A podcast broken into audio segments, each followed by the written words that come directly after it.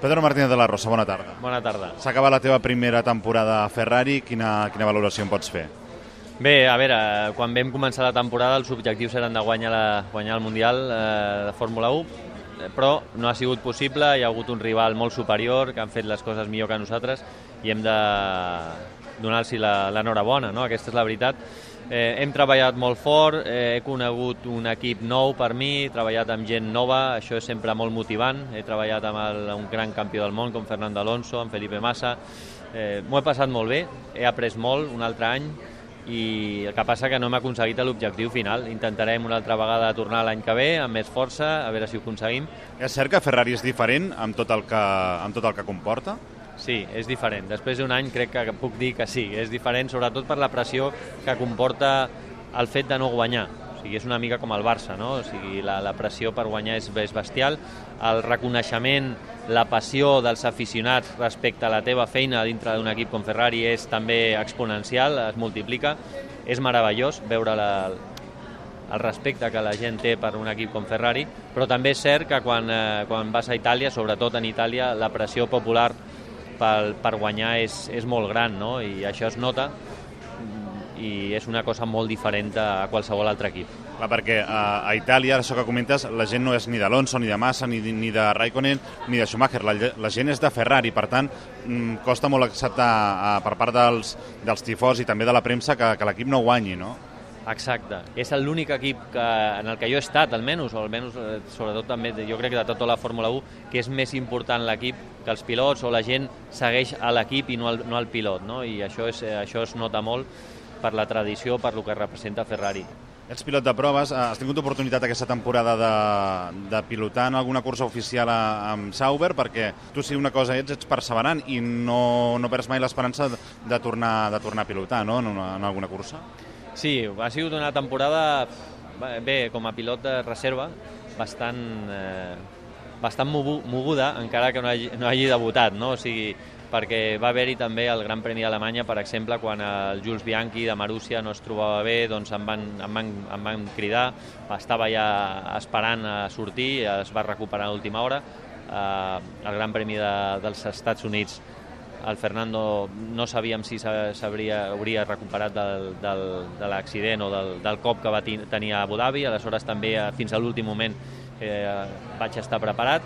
I, i bé, i amb, el, amb Sauber doncs, em vaig fer un seient, eh, vaig estar preparat en diverses carreres, eh, sobretot a, a Abu Dhabi, perquè mm, pensàvem que el, que el Hulkenberg tenia un problema estomacal final, com sempre, com sempre, es recuperen a l'últim moment i jo em quedo veient els toros des de la barrera, no? Perquè, com els futbolistes pengen a les botes, que és el que es diu, aquí quan un pilot es retira no, s'anuncia mai, no sé si qui es penja al volant o, o com es fa. O hi, ha, hi haurà algun dia que tu diràs uh, físicament ja no estic per pujar en monoplaça i és el dia que, que aleshores malauradament hauràs de dir prou, no? Sí, jo, per, jo personalment eh, no, no, no em poso una, una data de caducitat perquè les ganes eh, que tinc, la motivació que tinc és bestial, o sigui, és com la, la mateixa del primer dia o més, sobretot perquè a més tinc ara la confiança que no tenia quan començava i és la confiança de que si em donen un cotxe ho puc fer bé, no? Eh, perquè sé el que, el que necessito per fer-ho bé i tinc moltes, molta, molta, molt, molts quilòmetres a, a l'esquena. Aleshores, això em dona la motivació per, per, per continuar. El dia que em pugi el cotxe i vegi que he perdut velocitat, que hi ha altres pilots que fan una millor feina, aleshores ja aquesta motivació desapareixerà, això està segur, està, ho tinc molt clar. Però de moment no ha arribat aquest dia. Mentre tingui el recolzament de la meva família, les ganes que tinc ara i el físic m'aguanti, doncs jo crec que ha Pedro per, per bastants anys. Red Bull ha tornat a arrasar aquesta temporada. Jo comparo una mica com el món dels castells, no? que hi ha els castellers de Vilafranca que mengen a part de les altres colles castelleres, que és el que passa una mica amb Red Bull, no? que gairebé eh, els podrien posar al marge de, de la resta d'equips i que fessin una exhibició cada gran premi, perquè no hi ha manera de poder acabar amb la, amb la seva hegemonia. No?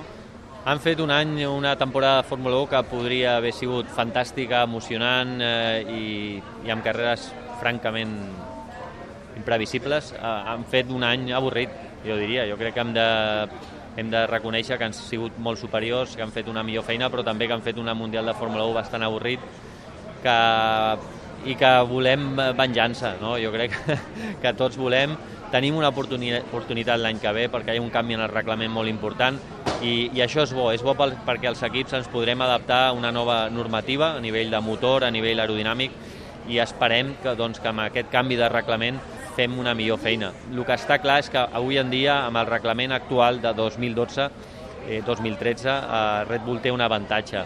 Ens han trobat coses que nosaltres no hem trobat, fan, eh, utilitzen millor la, tot el tema aerodinàmic, eh, blown, blown downforce que diem, el, la, la càrrega aerodinàmica que prové dels escapes, i això és, un, és important que l'any que, que, que ve això canvia i que no s'utilitzarà més perquè ens dona una oportunitat de, no només d'agafar-los, però sobretot de guanyar-los.